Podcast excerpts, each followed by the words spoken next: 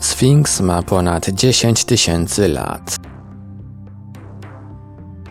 Wielki Sfinks położony jest niedaleko Wielkiej Piramidy, na zachodnim brzegu Nilu, poza granicami Kairu. Zgodnie ze standardową opinią egiptologów, monument został wykuty w skale wapiennej na rozkaz faraona Hefrena około 2500 roku przed naszą erą. W 1990 roku pojechałem po raz pierwszy do Egiptu z zamiarem przebadania Sfinksa z perspektywy geologicznej. Zakładałem, że egiptolodzy nie mylili się w swoim datowaniu, jednak wkrótce odkryłem dowody natury geologicznej, które nie pasowały do powszechnie przyjętego konsensusu. Na ciele Sfinksa, a także okalających go ściankach, otaczających wgłębienie, które pozostało po tym, jak monument wycięto ze skały, odnalazłem ślady erozji, które moim zdaniem mogły powstać jedynie w wyniku silnych opadów i przepływu wody deszczowej. Problem w tym, że Sfinks znajduje się na granicy Sahary, w regionie, gdzie od około 5000 lat panuje skrajna susza. Okazało się też, że również inne struktury datowane na okres Starego Królestwa wykazują ślady erozji, które nie mógł dokonać wiatr i piasek. Mówiąc krótko, doszedłem do wniosku, że najstarsza część monumentu, nazwana przeze mnie rdzeniem, musiała powstać w znacznie wcześniejszym okresie, co najmniej 5000 lat przed Chrystusem, ale niewykluczone, że nawet 7000 lub 9000 lat przed naszą erą, kiedy panował tam inny, bardziej deszczowy klimat. Od wielu ludzi usłyszałem wtedy, że Sfinks nie może być tak stary, ponieważ jego głowa nosi wyraźne cechy z okresu dynastycznego, który zaczął się w końcu czwartego tysiąclecia przed naszą erą. Jednak kiedy spojrzymy na obecną formę monumentu, można łatwo zauważyć, że nie jest to jego oryginalna głowa. Gdyby tak było, tak jak korpus, byłaby ona silnie zerodowana. Wypływał z tego wniosek, że zarządów faraonów Sfinks został przekuty do mniejszej formy, a jego obecna głowa nie jest tą oryginalną.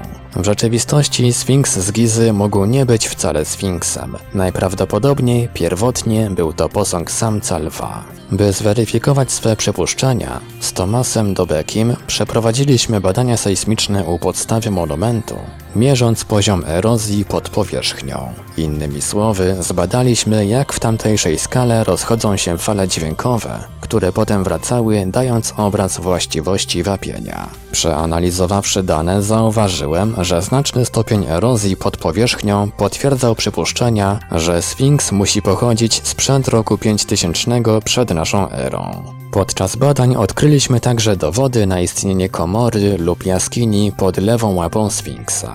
Odkryliśmy także mniejsze i uprzednio nieznane podziemne przestrzenie dookoła monumentu, a ponadto dane wskazały na istnienie czegoś przypominającego tunel biegnącego tuż pod nim. Na początku lat 90., kiedy po raz pierwszy postawiłem wniosek, że Wielki Sfinks jest znacznie starszy niż się zakłada, zostałem zaatakowany przez egiptologów, którzy pytali mnie o inne dowody na cywilizację, która istniała przed Egipcjanami i wzniosła ów monument. Byli oni pewni, że rozwinięte kultury lub cywilizacje nie pojawiły się przed V-IV tysiącleciem przed naszą erą choć wiadomo, że istnieją w Turcji stanowiska archeologiczne sprzed prawie 10 tysięcy lat, z których jednym jest Göbekli Tepe. Tajemnicą pozostawało jednak, dlaczego kultury, które tworzyły zalążki cywilizacji, zniknęły tak gwałtownie, a na polu rozwoju na kilka tysięcy lat zapadła cisza. Robert Temple próbował wyjaśnić ślady erozji wodnej na Sfinksie istnieniem wokół niego fosy.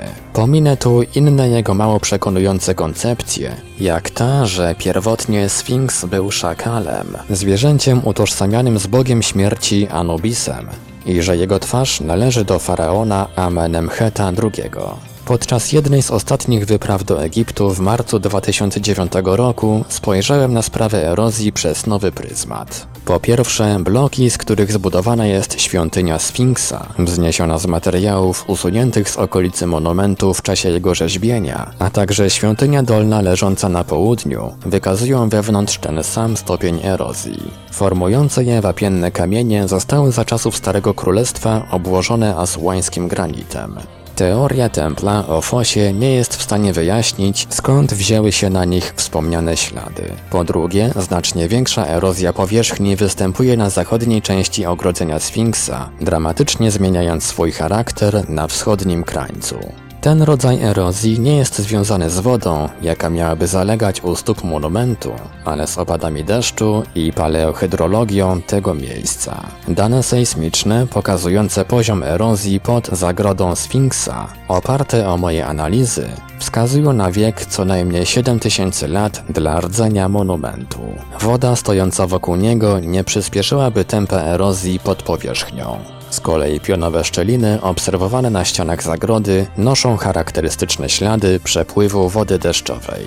Nie ma na nich nic, co wskazywałoby lub sugerowało, że powstały w momencie osuszania domniemanej sadzawki wokół Sfinksa, jak twierdzi Temple. Ściany wokół Sfinksa, wykute ze skały, stanowiłyby granicę dla płytkiego zbiornika, a ponieważ sama skała zawiera wiele pęknięć i podlegała procesom krasowym, woda przeciekałaby przez nią jak przez sito. Ścianki wokół monumentu musiałyby być szczelnie zaklepione, jednak nie ma na nich śladu zaprawy ani okładziny. Co więcej, komory i tunele pod Sfinksem, być może w jakiś sposób użytkowane, zostałyby przez fosę zalane od góry.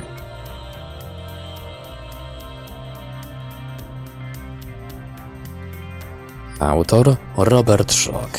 Źródło www.robertschock.com Tłumaczenie i opracowanie portal Infra www.infra.org.pl Czytał Ivelios